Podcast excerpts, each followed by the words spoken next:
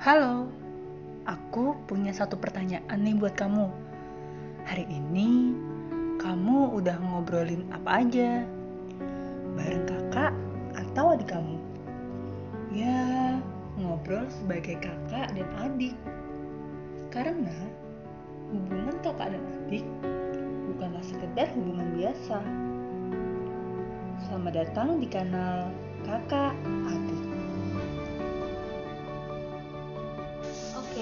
Jadi hari ini podcast kanal kakak adik bakal ngobrol bareng aku, Sali. Sama aku sebenarnya hari ini nggak sendiri nih, aku ditemenin satu kakak kita yang bakal sharing-sharing seputar uh, kehidupan akademiknya, terus pokoknya seputar pekerjaan dan lain-lain. Jadi langsung aja nih, Mas Isnu, gimana Ya. kabarnya? Eh, ya eh, alhamdulillah sehat dan eh, masih berkutat dengan kehidupan eh, akademik di Bandung sini. Eh, hampir berapa nih? Dua tahun lah dua tahun untuk eh, memutuskan akhirnya kuliah lagi dan eh, perjuangan masih panjang dan tiap hari harus berkutat dengan dunia akademik ini. Oke, sebelum ke situ nih Mas, Ya, sebelum ya. kita ngobrol lebih jauh, kayaknya Mas Isnu enaknya perkenalan dulu nih. oke Sebenarnya boleh boleh Mas Isnu tuh siapa sih gitu kan? ya ya Yang denger kan belum kenal nih. Kalau Ya. aku kan udah tahu nih Mas Isnu siapa. Ya, eh, saya Isnu Putra Pratama, bisa dipanggil Isnu. Saya lahirnya di Semarang. eh, dari kecil, dari TK sampai kuliah eh, di Semarang di Undip.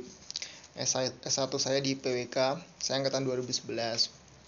Dan hmm, saya apa ngerantau itu eh, baru setelah lulus S1 gitu. Jadi memang saya dari kecil sampai eh, lulus kuliah S1 ya di Semarang aja gitu.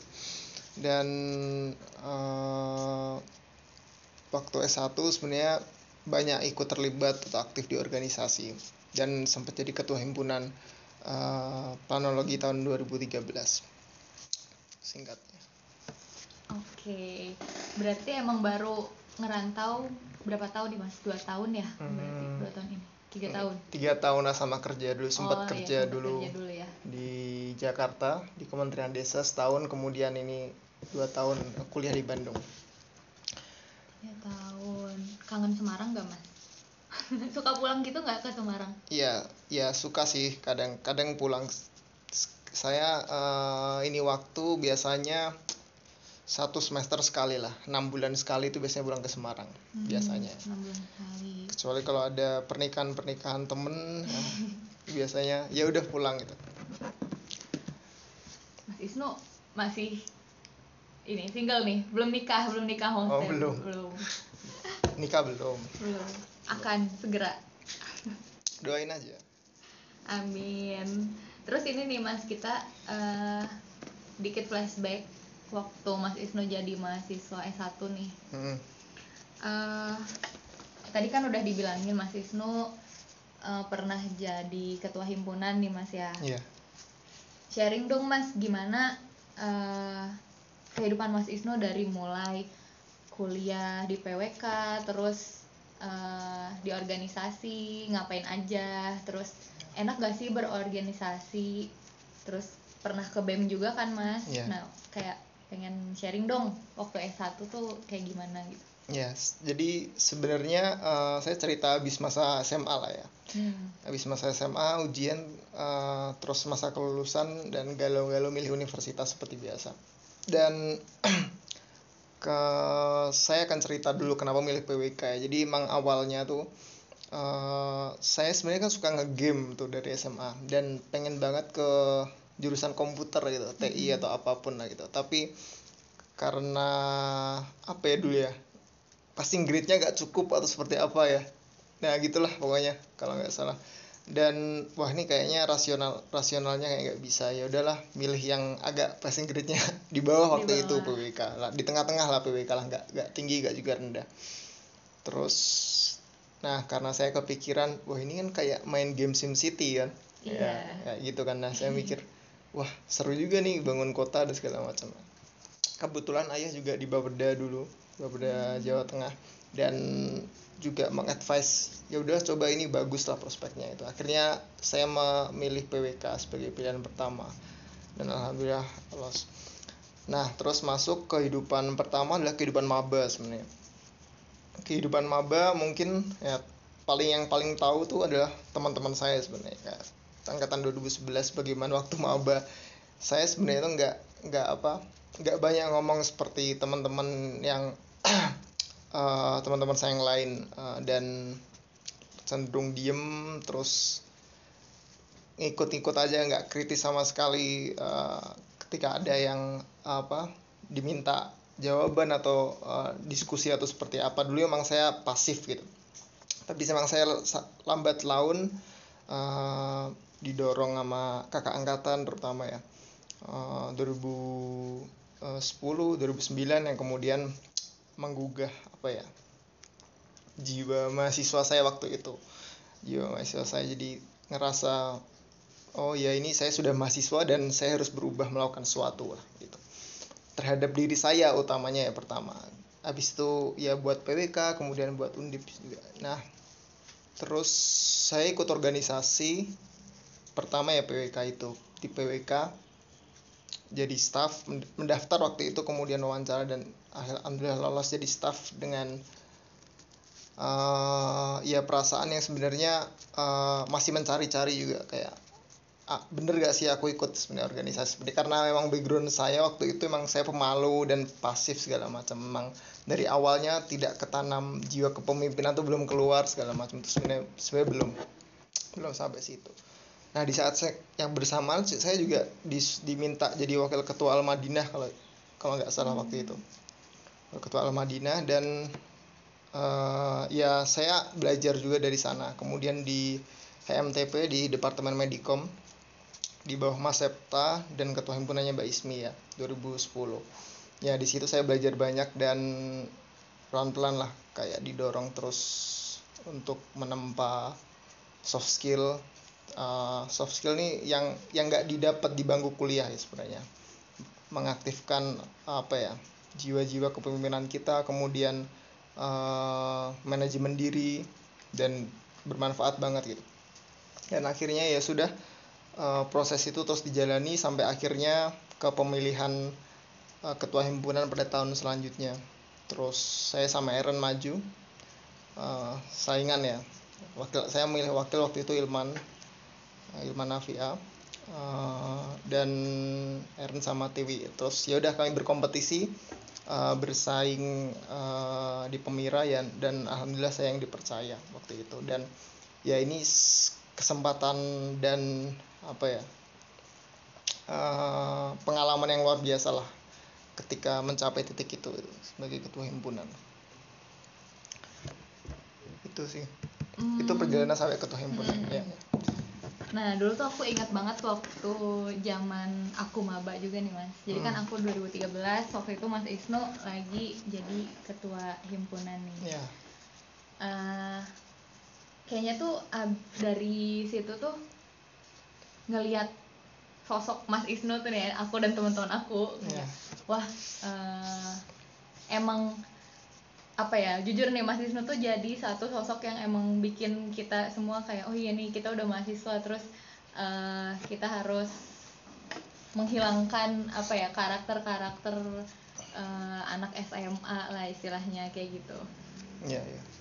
Terus abis uh, udah dari himpunan tuh mas abis menjabat dari uh, ketua himpunan mas Isnu sempat organisasi lagi di BEM yeah. tahun berikutnya gitu ya, hmm, ya. Mas hmm. ya di BEM sebagai apa mas? Jadi ini kepala departemen kebijakan publik. BEM fakultas BEM fakultasnya di ya, teknik. seperti sospolnya lah sosial politik. Hmm. itu satu tahun ya?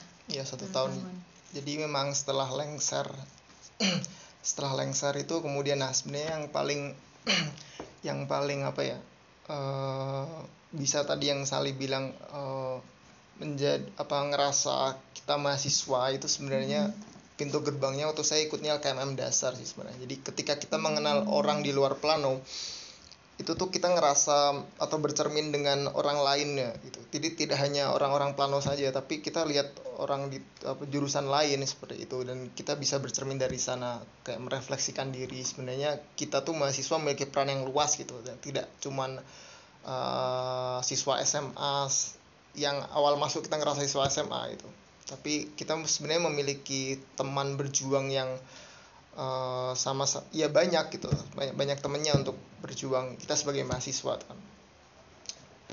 Terus ketika sudah mulai banyak teman nah itu ilmunya yang masuk juga mulai banyak gitu Jadi, tidak terkungkung di plano aja. Tapi uh, menambah relasi ke teman-teman uh, di luar plano itu juga penting. Nah itu ya sebenarnya yang mendasari saya uh, akhirnya terlibat sama BEM setelah lulus walaupun memang sebagai ketua himpunan tentu uh, relasi dengan eksternal harus dijaga ya. Tidak cuma yeah. internal planonya warga planonya tapi juga eksternal BEM baik fakultas maupun KM juga teman-temannya nambah banyak juga. Nah uh, nah kenapa BEM fakultas? Yaitu sih setelah setelah lengser kemudian ada yang ngajakin waktu itu Zami sebagai ketua BEM-nya mengajakin ayo uh, ikut bangun BEM tahun ini gitu. Terus ya sudah karena saya lihat uh, apa peluang uh, peluang berorganisasi kembali dan di akademik kuliahnya juga masih bisa saya manage ya sudah saya coba lagi satu tahun extend. Itu kenapa ikut BMFT uh, eh, kalau ini nih mas cerita-cerita abis dari BM berarti abis itu fokus skripsi nih ya abis BM fokus skripsi Nah, sebenarnya uh, yang dikhawatirkan banyak orang itu adalah hmm. ketika kamu ikut berorganisasi sibuk dan IP-nya turun. Ya, ini masalah IP ya. Bener. Tapi nyatanya berbalik berbalik berbalik, berbanding ber, terbalik sama saya karena IP saya langsung naik setelah jadi ketua himpunan dan di BEM itu langsung naik saya nggak tahu kenapa apa memang saya bisa memanage itu atau seperti apa ya saya tidak sadar aja tiba-tiba buka KR KRS uh, eh, kok apa makin bagus gitu maksudnya. Tidak tidak turun gitu tapi malah naik. Nah ya ini bisa jadi motivasinya teman-teman juga ini. Kalau misal memang berorga apa ya uh, mungkin kita ya punya orientasi masing-masing lah. Mau di akademik boleh di organisasi boleh. Tapi sebenarnya soft skill soft skill bagaimana memanajemen uh, manajemen diri itu sebenarnya nggak bisa didapatkan di bangku kuliah yang cuman mengajarkan hard skill aja ya misal. Tapi soft skill soft skill itu didapat uh, di luar bangku kuliah di saat organisasi dan itu bisa meningkatkan akademik seperti itu. Dan saya merasakan itu. Dan apa ya saya lulus tuh alhamdulillah pas 4 tahun ya jadi tidak nggak molor juga gitu. Dan ya saya bisa uh, mungkin senior saya juga banyak gitu yang memang lulus tepat waktu walaupun dia berorganisasi juga banyak. Artinya sebenarnya tidak menjadi hambatan secara akademis sih. Kalau berorganisasi uh, waktu S1 itu sebenarnya nggak sama sekali. Dan lancar-lancar aja ketika mengerjakan skripsi karena setelah uh, yang saya dari BEM ya sudah fokus kembali ke akademik dan mulai menulis aja. Fokus skripsi ya. Iya fokus, fokus ke skripsinya. Aku juga setuju tuh. Jadi emang uh, banyak kekhawatiran teman-teman yang bilang kalau misalkan uh, aktivis-aktivis di organisasi ini takutnya nggak bisa ngehandle yeah. kuliahnya gimana IPK-nya yeah. turun segala macam tapi itu mah balik lagi aja ya ke masing-masing yeah. orangnya gitu. Dan Mas Isnu udah membuktikan nih sebenarnya itu tuh salah gitu. Iya yeah. iya iya bisa dibilang uh, seperti itu dan jangan lupa sih kayak uh, kalau ngomongin jabatan tuh mengisi CV ya sebenarnya ada benernya juga gitu. hmm. gitu saya pengalaman beberapa kali masalah kerja maupun kuliah dan berkumpul dengan apa eh, dosen-dosen mungkin uh, dulu saya ketua himpunan itu sebenarnya sudah jadi sesuatu yang apa uh, pandangan yang uh, seenggaknya positif lah di awal hmm. ketika kita bertemu orang itu dalam rangka profesional ya misal karena di situ bisa merepresentasikan uh, ya gimana leadership kita manajemen diri kita dan relasi atau komunikasi kita dengan orang dan sebagainya tentu sangat positif lah nah uh, kalau aku nih mas hmm. dulu uh, pas mau lulus tuh sempet bingung gitu mas yeah. habis lulus mau ngapain nih sebenarnya mas Isnu dulu sempat gak sih ngerasain kayak gitu dan apa sih yang mas, mas Isnu lakukan hmm. setelah lulus gitu ya eh ya takut ya jadi ketika setelah di wisuda di gedung Sudarto itu Iya. eh, ya perasaan takut setelah eh, diberi jasa itu pasti ada. Saya yakin semua di gedung itu punya perasaan yang sama lah khawatiran ya terkait dengan apa eh, setelah ini kemudian ap- apa mau ngapain habis ini itu ada gitu.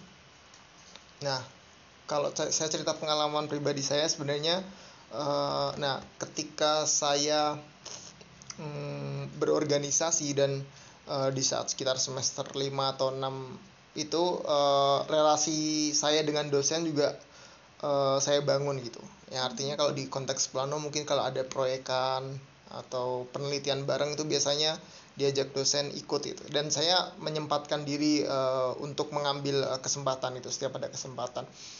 Dulu saya aktifnya di KK wilayah ya bukan KK apa Lab ya. lab lab. Lab wilayah lab wilayah kalau di Eh, di lab wilayah tuh eh, saya ada Pak Jowo ada Bu Wiwi eh, yang sebelumnya memang eh, sebelum lulus kami sempat bekerja sama gitu. Kayak eh, ada survei atau apa kami ikut dan eh, dan tentunya ada apa banyak sekali eh, dampak positif lah eh, untuk mengenal dunia kerja di awal lah gitu seperti itu. Dan ketika itu ketika setelah lulus saya tuh eh, ditawarin eh, atau bukan ditawarin sih kayak ada ya ada penawaran gitu di NGO-nya eh, yang berafiliasi dengan eh, lab wilayah dan eh, saya melakukan wawancara dan saya diterima. Jadi memang awal karir saya ketika sudah lulus tuh di itu di NGO itu.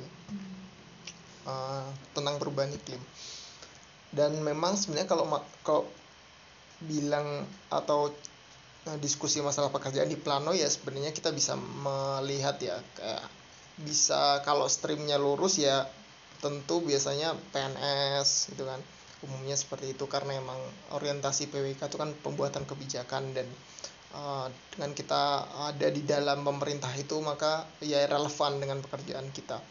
Ada juga yang konsultan juga bisa Eh, banyak teman saya juga setelah lulus tuh ke konsultan juga banyak.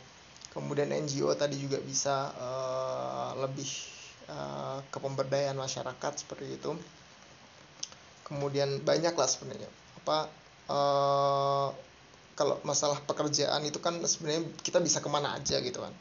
Eh, tapi kan yang eh, sesuai bidang kita dan eh, akademik ya sesuai bidang akademik itu kan ya streamnya eh, ya bisa bisa dibilang tiga besar itulah. Eh, dan ya waktu itu saya di NGO pertama kalinya. Abis dari NGO sempat ke kerja di mana lagi man? Nah, Habis itu. setelah di NGO hampir sekitar enam bulan kalau nggak salah. Enam bulan kerja di NGO, kemudian saya eh, bekerja di kementerian. Nah, opsinya itu kan biasanya banyak kayak pemerintah kan, ada pemerintah daerah, baik kota maupun provinsi maupun kementerian. Dan biasanya mereka buka lowongan yang khusus memang PWK kan. Dan ketika itu ada eh, tawaran untuk bekerja di eh, Kementerian Desa eh, di Jakarta seperti itu lowongannya dulu di bagian staf khusus menteri dan eh, ya menurut saya kalau kita pindah kerja ya sebenarnya itu melihat atau merefleksi kita masing-masing diri kita masing-masing sih. Kayak misal mungkin kalau teman-teman nyaman dengan pekerjaannya dan ada tawaran ya tentu juga apa tidak apa tidak usah lah. Maksudnya tidak tentu bisa jadi pertimbangan gitu. Kayak aku pindah atau enggak gitu kan. Tapi ketika memang sudah tidak nyaman atau ada yang sesuatu yang udah di achieve atau udah dicapai nah eh, berpikiran untuk pindah tuh ada. Nah salah satunya tuh saya itu sebenarnya. Ada sesuatu yang memang sudah saya achieve di situ kayak saya pengen lebih gitu. Dan pengen pengalaman punya pengalaman lebih pengen berinteraksi dengan orang lain eh, yang lebih luas. Dan dan di situlah saya akhirnya ada peluang itu saya ambil dan nah, alhamdulillah diterima di di Kementerian Desa ya Terus sampai akhirnya dari situ eh, masuk di eh dapat program apa nih Mas yang buat lanjut Oh, di iya. sini di S2 Ya, jadi nah itu juga eh, kegalauan lagi ya sebenarnya. Kan tadi kita bahas masalah pekerjaan ya. Iya. Jadi ada juga opsi lain sebenarnya setelah kita lulus kuliah itu adalah eh, melanjutkan ke magister atau S2. Nah, eh, ada juga teman saya eh, yang juga langsung melanjutkan S2 juga itu sebenarnya hal yang normal juga sebenarnya. Dan eh, saya tidak tahu ya apa menurut saya pribadi nih pendapat pribadi itu sebenarnya S2 sekarang ini adalah eh, di era saat ini itu adalah sebuah apa ya? Ya keharusan sih kalau menurut saya karena kenapa kayak di S1 eh, kita belajar eh, riset atau penelitian yang memang eh, sifatnya eh, luas gitu kan tidak tidak apa tidak fokus terhadap eh, bidang tertentu atau eh, isu akademik tertentu gitu. Tapi ketika S2 maka kita, akan lebih memperdalam eh, ilmu itu gitu. Sebenarnya eh, secara garis secara garis besar eh, yang membedakan itu. Nah eh, kenapa harus S2 karena memang yaitu uh, saya merasa perlu memperdalam uh, ilmu yang sebenarnya saya saya minati gitu. Memperdalam ilmu yang saya minati. Dan uh, ketika di Kementerian Desa sama sebenarnya alasannya. Sudah satu tahun dan saya merasa sudah ada bat, apa saya membuat batas terhadap diri saya bahwa dalam titik ini ketika saya sudah uh, achieve semua hal yang pengen saya capai dan ya sudah gitu. Mau saya mau apa lagi? Karena saya merasa ketika saya mungkin di situ saya tidak akan berkembang. Itu alasannya kenapa saya akhirnya melanjutkan S2 lagi. Dan ketika itu uh, mengajukan S2 nah saya galaunya lagi adalah uh, soal beasiswa sebenarnya. Ya, kegalauannya. Jadi memang ada mungkin nggak tahu ya, semua orang mengalami atau tidak. Jadi memang ada hmm, perdebatan moral gitu ya psikologis yang eh, ini saya sudah S1 emang harusnya mungkin sudah kerja dan mandiri gitu kan. Dan eh, ya saya harapannya eh, nyari beasiswa untuk dapat eh, program S2-nya gitu kan. Saya tidak mau membebani orang tua saya atau eh, ya saya harus bekerja. Kalau misal be- eh, bisa membayar diri sendiri ya alhamdulillah seperti itu. Dan waktu itu saya cari-cari beasiswa sih sebenarnya. Sempat ya apa banyak lah beasiswa kan di LPDP dan eh, ada ada banyak sekali ininya. Lah Dikti juga ada beasiswa unggulan segala BU dan eh, dulu saya nggak kepikiran ya kuliah di luar negeri. Sebenarnya sempat tersirat gitu kan kayak pengen pengen gitu ke kuliah ke luar negeri. Tapi eh, setelah saya cari info informasi ya PWK PWK di Indonesia setelah Undip yang terbaik ya ITB gitu. Dan eh, tidak apa ya tidak salah juga kalau akhirnya saya kuliah di di masih di Indonesia. Nah waktu itu tuh ada tawaran unik yaitu program yang namanya PMDS program mahasiswa doktoral sarjana unggul. Waktu itu yang jarkom pertama kali itu sebenarnya Pak Jawoto. Dari, Oh, dari lab- dosen ya berarti dari infonya. dosen. Eh, di lab wilayah sebenarnya. Waktu saya waktu itu sekitar apa ya 10 bulan lah di Kemendes itu dua bulan ya kan satu satu tahun ya. S- 10 bulan bekerja saya eh, ada tawaran itu dan saya lihat syaratnya itu ada TOEFL 575 kemudian apa lagi ya eh IPK di atas 3,5 kemudian eh ada pengalaman menulis artikel dan segala macam. Nah, saya lihat sebenarnya sudah apa hmm, memenuhi lah enggak enggak memenuhi Belum. malah. Saya takut malah. "Wah, ini program programnya terlalu tinggi maksudnya. Tapi menariknya adalah yaitu programnya unik ya. Karena kita dituntut 4 tahun untuk menjadi eh, untuk lulus di S2 dan S3 jadi magister dan doktor selama 4 tahun. Dan waktu itu gelombang pertama uh, itu saya biarkan karena ya ini wah nggak mungkin lah saya ikut apa saya ini kayak gini gitu kan. Uh, terus kemudian uh, saya tunggu lagi.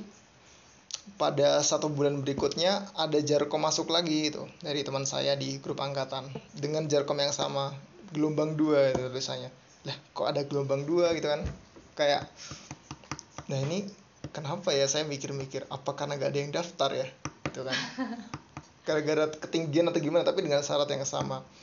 Dan saat itu akhirnya uh, ya saya uh, ngobrol sama orang tua kemudian uh, meminta nasihat seperti apa ya sudah katanya dicoba saja gitu. Ya udah akhirnya dengan kondisi masih bekerja yang hektik waktu itu dan uh, bersamaan dengan ada pendaftaran itu saya akhirnya ikut uh, apa belajar sendiri belajar sendiri kemudian ikut tes TOEFL sendiri gitu. Uh, karena waktu itu memang ya saya merasa uh, apa minder sih. Nah tepatnya sebenarnya minder waktu itu ketika lihat syarat-syaratnya dan uh, pada sisi lain saya sebenarnya pengen kuliah itu sudah mulai jenuh dengan pekerjaan dan sudah achieve apa yang saya penginkan gitu kan. Saya saya inginkan. Dan ya sudah akhirnya uh, mencoba mengumpulkan berkas-berkas berkasnya sambil kerja waktu itu uh, di Jakarta. Dan saya tes TOEFL syaratnya 575 hasil saya adalah 497 nggak nyampe 500 kan? Iya, iya. Jauh, masih, masih jauh ya 497 udah dari situ uh, wah ini nggak dari batas sampai batas pendaftarannya wah ini nggak nggak mungkin apa sampai itu. Hmm. tapi di syarat ITB sebenarnya 475 yeah. syarat masuk ITB-nya ya. Yeah. syarat masuk 4 tapi masuk program itu 575 dan wah ya sudahlah. Bismillah. Uh, saya kirimkanlah berkas itu lewat email dan segala macamnya. Nah sebenarnya yang beruntung ini adalah uh, saya pernah menulis artikel waktu itu artikel ilmiah. Ketika saya bekerja dari jadi NGO itu setelah lulus saya outputnya bentuk penelitiannya adalah uh, artikel dan saya uh, sudah lolos itu. Saya lampirkan hal itu. Dan ketika hari wawancara itu ketika hari wawancara dan ya ketika itu diwawancarai dan menyatakan apa adanya gitu kayak pak ini saya TOEFL-nya cuma 497 gitu dan sangat jauh dengan ekspektasi. Tapi saya berusaha untuk menceritakan apa kelebihan saya yang lain, termasuk artikel itu, termasuk dulu saya pernah ketua himpunan dan bagaimana effort saya terhadap ini. Waktu itu kalau nggak salah ada 25 orang yang mendaftar di program PMDSU ini program dikti tapi yang memang diserahkan untuk mengelolanya adalah uh, di ITB-nya itu jadi di universitas masing-masing. Waktu itu di Undip gak ada karena emang gak semua uh, universitas ya punya program itu. Uh, dan di situ pas ITB uh, PWK ITB gitu yang membuka kan. Dan saya juga tertarik dengan riset-risetnya yang memang sudah ditawarkan terlebih dahulu. Dan memang tujuan saya untuk mendalami ilmu itu dan ya sudah gitu. Akhirnya uh, pengumuman ya dah lolos akhirnya akhirnya keterima sampai sekarang ya. S2 lagi S3 ya Mas ya ya jadi ya. setelah lolos itu ya sudah uh, resign dari pekerjaan dan uh, targetnya yaitu 4 tahun S2 dan S3 sekarang tahun kedua S2 kemarin alhamdulillah baru aja lulus dan sekarang uh, menyelesaikan 2 tahun sisa S3 nya normalnya sebenarnya S3 itu kan lima tahun hmm. plus S2 2 tahun 7 tahun kan tahun. tapi kita dengan program ini cuma empat tahun memang batasnya ada bedanya nggak mas saat ambil S2 sekaligus S3 di sini sama waktu S1 di Semarang iya. bedanya ya. yang paling kerasa apa pasti kerasa adalah organisasi sih dulu orientasinya nggak ada akademiknya sama sekali hmm. pokoknya dulu ya mikirnya adalah apa ya uh, ya kita mahasiswa dengan masih semangat tinggi yang pengen apa ya ikut ikut serta dalam apa uh, kalau berorganisasi itu kan semangatnya adalah semangat revo bukan revolusi sih semangat apa perubahan gitu hmm. kayak pengen melihat ada isu baik di plano maupun di fakultas maupun di universitas tuh pengen berubah gitu dengan apa lebih baik gitu ada perubahan di sana sih. Semangat perubahan itu kan yang ada dalam uh, aktivis-aktivis kan sebenarnya seperti itu. Jiwa kritis kemudian ingin perubahan. Uh, orientasi itu sebenarnya emang agak bergeser ketika kita sudah menginjak S2 gitu. Tidak lagi orientasi aktivis atau organisatoris tapi memang pure akademik gitu. Hmm. pure pure akademik pure uh, pure untuk mendalami ilmu uh, ilmu akademik kita yang ya, kita sukai dan uh, ya sudah meninggalkan uh, organisasi atau uh, akademik yang lain. Tapi tetap saya meyakini bahwa uh, apa yang saya lakukan dan saya tidak akan pernah menyesali itu adalah ikut organisasi di S1 memang benar-benar uh, apa hampir saya kalau bisa bilang 80% lebih itu uh, hidup S1 tuh ya organisasi ya nggak nggak akademiknya sisanya ketika ngajarin skripsi paling paling atau studio ya. Itu juga studio kejar-kejar nama organisasi dan rapat segala macam. Dan ya itu yang mem sangat membedakan ketika sudah duduk di S2 sini uh, melihat apa kita sebagai mahasiswa dengan kacamata yang berbeda melepas jaket alma mater apa organisasi yang biasa dibawa ketika ada rapat atau lagi demo aksi segala macam. Itu sih yang paling membedakan. Kalau di S3 sekarang nih mas. Hmm. mas Isnu peminatannya di bidang PWK apa sih mas? Ya jadi uh, sistem beasiswa atau program ini tuh sebenarnya adalah uh, kita di semester 1 langsung di apa diminta untuk mengikuti dua uh, program sekaligus magisternya ikut S3-nya juga oh, doktornya juga ikut. Jadi saya kuliah juga dengan teman-teman yang banyak gitu. Ada teman-teman S2, saya kuliah paginya, sorenya saya kuliah dengan bapak-bapak yang S3 gitu kan. Ya uh, banyaklah ininya apa uh, susah apa bukan susah ya sedih senangnya banyak uh, dengan mengikuti program ini yang sebenarnya program ini tuh seperti percobaan karena memang pertama kali PWK uh, eh, diaplikasikan dalam program PMDS ini empat tahun ini. Artinya kan ada penyesuaian kurikulum sebenarnya. Yeah. ada penggabungan kurikulum atau sistem yang mungkin beda dengan teman-teman yang ada di sains ya sains kayak kimia atau fisika yang mungkin juga berbeda kurikulumnya. eh, nah di PWK ini kan banyak sekali materinya dan harus digabungkan gitu. Dan itu yang emang tantangannya di situ. Dan emang kita bisa dibilang uh, jadi dalam tanda kutip kelinci percobaan ya untuk sistem ini ya. Apakah ini benar-benar bisa mewujudkan tujuan dari program ini atau enggak? Nah di awal terkait topik yang diminati sebenarnya uh, sudah ditentukan ya oleh pembimbing. Karena yang pembimbing kan punya roadmap riset ya. Yeah. dan menyesuaikan labnya juga kan risetnya apa. Dan stream saya sebenarnya ke wilayah ke lab wilayah atau di sini kakak kelompok kalian wilayah dan pengembangan wilayah perdesaan. Dan lebih khususnya mengenai urbanisasi sih. Hmm. sebenarnya. Jadi itu ada kaitannya nggak mas? Karena dulu mas Isnu pernah di Kemendes jadi ada pengaruhnya nggak oh. jadi oh ya tertarik nih di sini gitu akhirnya yeah, yeah. S3 nya dapat eh apa S3 nya ambil itu oh iya nah uh, sebenarnya unintended ya tidak hmm. berniat untuk mengaitkan tapi mengaitkan judul kalau teman-teman tahu judul TA saya adalah hubungan urbanisasi dan demam berdarah di kota Semarang. Itu waktu S1. S1. Jadi demam berdarah gitu. Kayak dan urbanisasi waktu itu. Emang.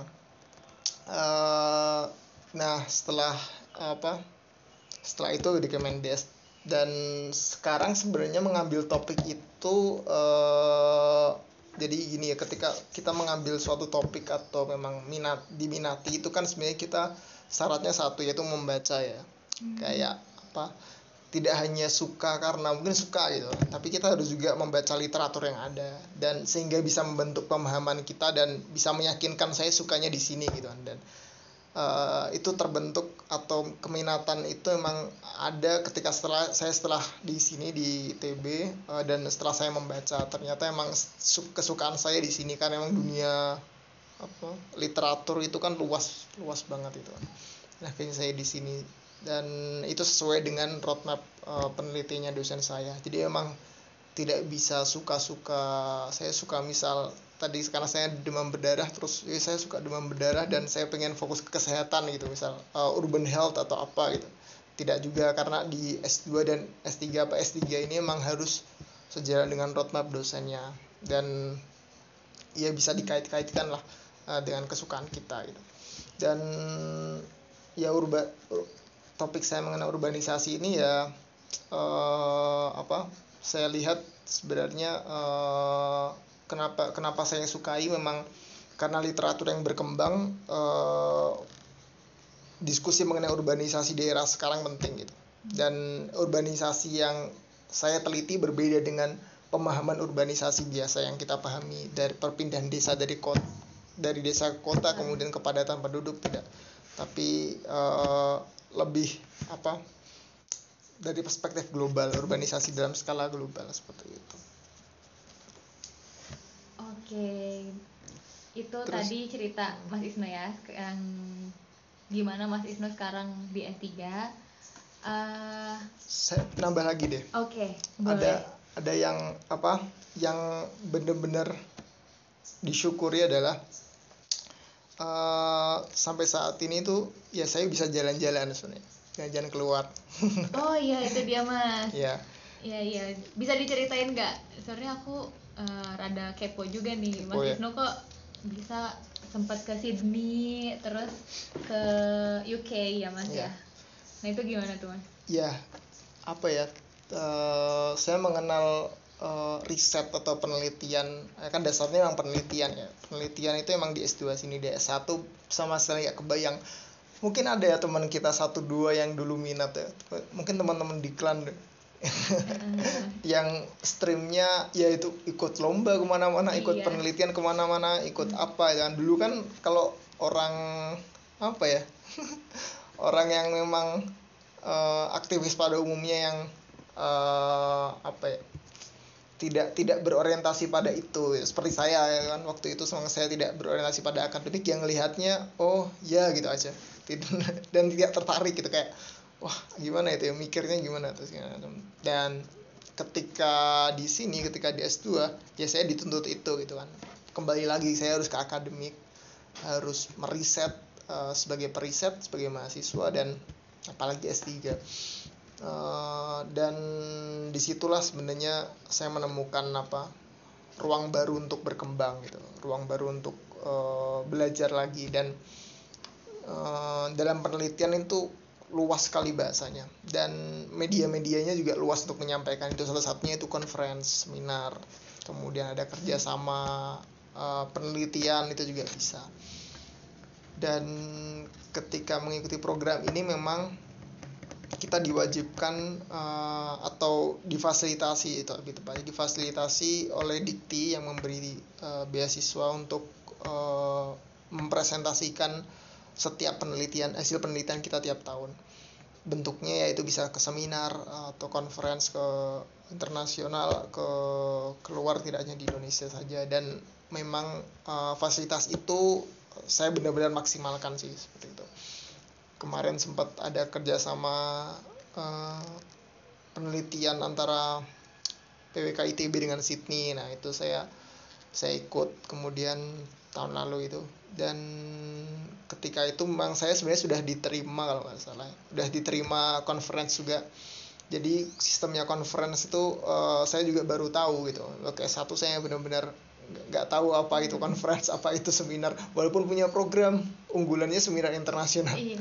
tapi saya tidak mendalami apa gimana mekanismenya. Kan yaitu kalau di akademik biasanya kita bikin abstrak terus abstrak penelitian kita kemudian kita kirim di di apa di luar seperti itu. Dan kemudian mereka uh, mereview apa kita layak atau enggak itu. Ketika sudah layak ya sudah beri uh, kita diterima dan diminta presentasi ke sana sebenarnya itu Nah, uh, alasannya pure akademik seperti itu dan ada fasilitasnya juga. Nah, memang tidak semua sebenarnya periset itu memang punya apa dalam tanda kutip dana atau fasilitas untuk uh, kemudian bisa memfasilitasi semi- uh, dia pergi seminar gitu tapi uh, di dikti ini uh, saya merasa beruntung ada di fasilitas seperti itu apalagi uh, dananya juga cukup cukup lah untuk uh, sampai ke Eropa gitu kan. Karena emang nggak nggak murah tiket kemudian uh, biaya seminarnya termasuk penginapannya. Dan ya sudah ketika itu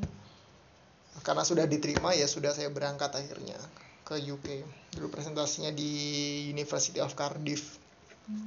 Dan ya sudah saya tidak sia-siakan itu untuk jalan-jalan. Jalan-jalan ya. Sebenarnya itu sih. Dan ya apa kesempatan untuk keluar itu memang ya terbuka lebar gitu.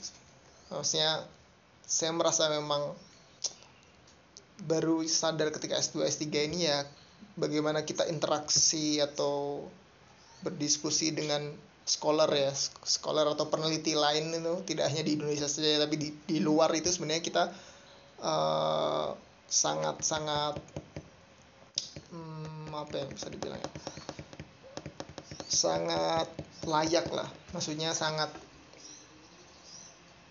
bisa bisa memberi kita ini pandangan baru sebenarnya. Tidak tidak hanya apa seminar uh, atau bertemu orang-orang yang memang uh, meneliti di Indonesia saja tapi orang-orang yang di luar uh, dan karena emang sumber atau uh, diskusi mengenai PWK ini kan sangat luas dan sumber apa utamanya sebenarnya uh, ilmunya itu dari Eropa, dari Amerika itu. Nah, memang kita harus tangkap itu dan salah satunya adalah dengan ikut seminar itu di di mana ilmu itu berasal dan sehingga kita bisa kenal uh, diskusi dan mendapatkan ilmu-ilmu baru dari orang-orang yang memang uh, paham di sana seperti itu. Berarti udah banyak banget lah ya Mas Isno uh, pengalamannya dari S1, S2, S3 sampai uh, bisa conference dan yeah. ikut program dari ITB dan dari Sydney tadi ya. Yeah.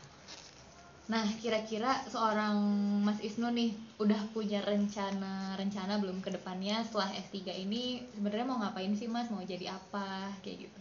Ya. Hmm, baik lagi ya kayak pekerjaan tuh sebenarnya uh, bisa atau rezeki lah itu bisa dari mana aja gitu kan. Hmm.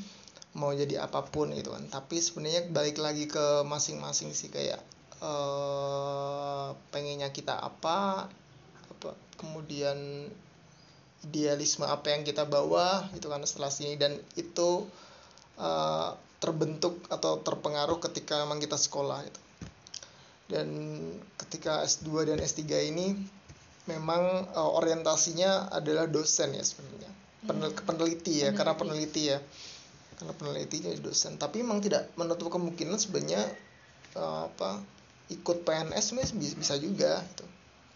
Uh, masuk kementerian atau dinas atau apa pun sebenarnya bisa juga gitu. Kan tidak tidak tidak menutup karena peneliti kemudian harus ke dosen enggak. Uh, saya sebenarnya masih tidak kalau untuk saat ini kalau ditanya ya sebenarnya orientasinya ke dosen pastinya ke dosen. Tapi ke depan saya tidak tahu apa apa ada pandangan lain yang kemudian uh, tersirat atau terbentuk dalam diri saya kemudian saya pengen apa itu kan bisa aja itu. Jangan-jangan saya pengen usaha itu kan juga bisa. Bisa apa? ya, ya mungkin bisa juga apa pun itu. Itu aja sih prinsipnya oke okay. uh, eh, terakhir nih mas. Ya. Jadi sebenarnya uh, tujuan hidup mas Isnu tuh apa sih mas? Mau denger dong siapa tahu bisa jadi inspirasi buat teman-teman yang lain. Tujuan hidup? Iya paling susah nggak sih nih mas? Iya. Pertanyaannya. Tujuan hidup itu ah, terlalu ya luas ya maksudnya gini apa uh, tujuan hidup uh, kalau dari perspektif Nah, kalau dari perspektif S1, S2, S3 tuh kalau kita ngomongin tujuan hidup pasti berubah-ubah ya. Tadi karena saya yakin Pak pandangan manusia terhadap sesuatu itu akan berubah uh, karena pengaruh pengetahuan baru yang hmm. masuk ke dalamnya. Nah, pengetahuan itu kan bisa dari lingkungan atau dari waktu ke waktu yang memang uh, ada orang atau kondisi lingkungan yang kemudian mempengaruhi dia gitu. Dan tujuan hidup uh, saya juga berubah saya merasakan ketika S1 dulu ya pengennya apa setelah lulus pengennya jadi PNS terus hidup ya udah sampai pensiun dengan tenang seperti itu. Norm, normal ya normalnya gitu kan. Terus uh, saya nggak bisa berusaha apa nggak cocok jadi pengusaha gitu kan. Saya nggak nggak pernah berpikir ke sana sebelumnya waktu S1 dan ketika kemudian kerja nah itu tujuannya lain lagi sudah. Hmm. tujuannya oh ini saya dengan lingkungan ini saya pengen apa dengan adanya ini. Dulu dulu ya sudah apa uh, nah kepikiran untuk usaha muncul dari situ gitu kan. Oh saya pengen punya usaha lah gitu kan. Terus habis itu pindah lagi ke S2 itu tujuannya juga berbeda lagi yeah. gitu kan beda lagi.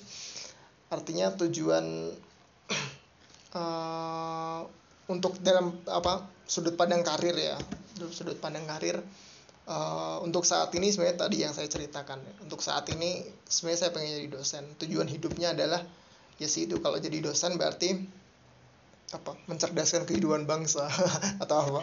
Jadi ya uh, lebih mm, mengajarkan ilmu-ilmu apa yang sudah saya punyai sih. Dan tentunya bermanfaatkan bagi banyak orang sebenarnya pengen itu untuk saat ini. Tujuan hidup ya dari perspektif uh, karirnya seperti itu. Tapi saya nggak tahu kalau nanti suatu hari saya apa berubah lagi ya, berubah ya lagi. Iya. oke okay. uh, eh, singkat aja mas. Ini terakhir nih beneran terakhir. Yeah. tips singkat buat teman-teman yang khususnya yang masih kuliah. Gimana tuh mas? Hmm, apa ya?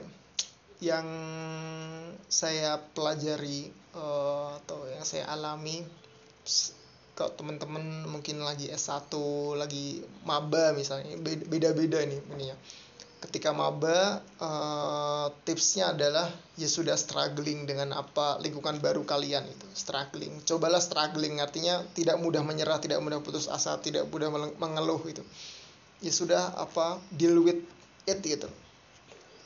Uh, hadapi semua yang ada gitu. Ketika memang uh, ada hambatan-hambatan yang ngerasa gak nyaman apa itu coba dobrak aja gitu. Kayak ya sudah coba dulu gitu. Sampai benar-benar kalian melewati batas yang kalian uh, tetapkan. Dan uh, itu karena itu bakal uh, ngaruh ke kehidupan selanjutnya ke semester berikutnya semester 3, semester 4, semester 5, semester 6 itu ketika ke S1 itu adalah tempatnya kalian sebagai menempa diri kalian itu. Menjadi uh, sosok apa ya manusia dewasa yang kuat gitu untuk menghadapi. Nanti tantangannya lebih uh, luar biasa lagi ketika kalian lulus. Kayak itu ketika S1 tipsnya adalah ya sudah struggling dengan uh, kehidupan kalian dan uh, yang paling penting adalah passion passion kalian. Niat ya niat ya. Ketika ada passion uh, ada niat ya sudah itu menjadi sebuah potensi yang luar biasa kalau menurut saya. Itu yang kalau teman-teman lagi galau deh udah pasca lulus kemudian lagi galau tipsnya adalah uh, yang pertama ya nasihat orang tua ya. Jadi coba uh, kok apa ya diskusilah sama orang tua. Karena uh, kadang mereka pengalaman saya bisa memberikan pandangan-pandangan yang memang uh, itu jalannya benar gitu. Jalannya benar. Dan itu yang saya alami. Itu yang kedua tipsnya ketika emang galau uh, terima apa pun yang ditawarkan. Jadi kalau memang ada lowongan ambil aja gitu. Ada ada lowongan ini ambil aja ambil aja gitu. Dan itu barangkali bisa jadi batu loncatan seperti saya. Saya juga nggak apa nggak punya rencana. Saya buka sampai sekarang uh, kuliah S3 juga tidak punya rencana apa pun. Maksudnya tidak saya pikirkan ketika saya lulus S1 saya duduk di sini sebagai mahasiswa S3 apalagi. Wah saya benar-benar nggak terpikirkan. Tapi itu seperti apa ya batu loncatan dari satu ke yang lain dulu dari A ke B ke C gitu. Kayak saya dulu habis lulus ke NGO kemudian ke kementerian dan kuliah lagi sampai S3 sekarang. Dan ya itu nggak long term gitu padahal kita planner ya. Perencana kan harusnya punya perencana tapi ya itu kita kadang harus beradaptasi dengan lingkungan. Dan prinsip saya dulu kalau ada peluang ya udah kita ambil saja gitu. Sambil tetap kita punya batas artinya kita punya harus punya tujuan tadi punya hal yang harus di achieve itu harus yang kita capai gitu. Tidak hanya mengikuti arus saja. Misal ada peluang apa harus kita ambil dan kemudian kita harus ikut arus saja tuh uh, saya kira akan susah untuk kita kemudian uh, berkembang itu tapi kita harus punya suatu batas yang kita tetapkan dan ketika itu sudah achieve achieve kemudian apa what's next gitu apa yang selanjutnya nah itu yang uh, dilema hidupnya akan terus uh, muncul di sana dan kekuatan struggling kita yang diuji dan ya itulah hidup. Oke, Mas Isnu aku pengen denger dong uh, kalimat penutup dari Mas Isnu. Kalimat yang sering banget Mas Isnu uh, bilang zaman aku maba. Masih inget gak nih kira-kira? Iya. Ya itu uh, sebenarnya uh, kalimat itu kalimat pusaka Mas kalimat Isnu pusaka. ya artinya uh, esensinya dulu sebelum saya closing dengan kalimat okay. itu adalah sebenarnya uh, memang um, saya sebagai manusia biasa itu kan kadang juga hilaf ya artinya mungkin teman-teman uh, lihat atau mungkin teman-teman saya lihat di sekitar atau uh, adik-adik dulu juga lihat bagaimana mungkin saya sering mengatakan itu tapi kalau dilihat dari uh, bagaimana perilaku saya sifat saya atau apa yang saya lakukan mungkin oh ini kok kayak gini kok kayak gini. Nah memang uh, saya sebagai manusia tentu uh, berusaha se, se apa sebisa mungkin seperti itu. Dan balik lagi sebenarnya yang tidak saya sebutkan dari tadi memang uh, agama memang nomor satu bagi saya. Dan uh, tidak ada uh, lain lagi selain uh, ya kita memang berserah diri akhirnya. Dan terus berusaha untuk melibatkan uh, Tuhan kita semua. Ya jadi uh, nikmati prosesnya dan sertakan Allah di dalamnya. Itu dia yang pengen aku dengar dari tadi Oke, okay, thank you ya Mas Isnu udah sharing-sharing hari ini, udah luangin waktunya. Uh, good luck buat diser disertasinya. Yeah. Dan rencana-rencana ke depannya. Oke, okay, okay. ya, makasih banyak. Senang bisa berbagi. Thank you Mas Isnu. Thank you Sally. Tentu kita semua punya kakak dan juga adik. Tinggal apa yang bisa kita perbuat dari kakak dan adik kita.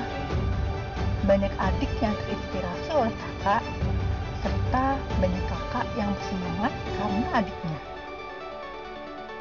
Hai kak. Hai dik,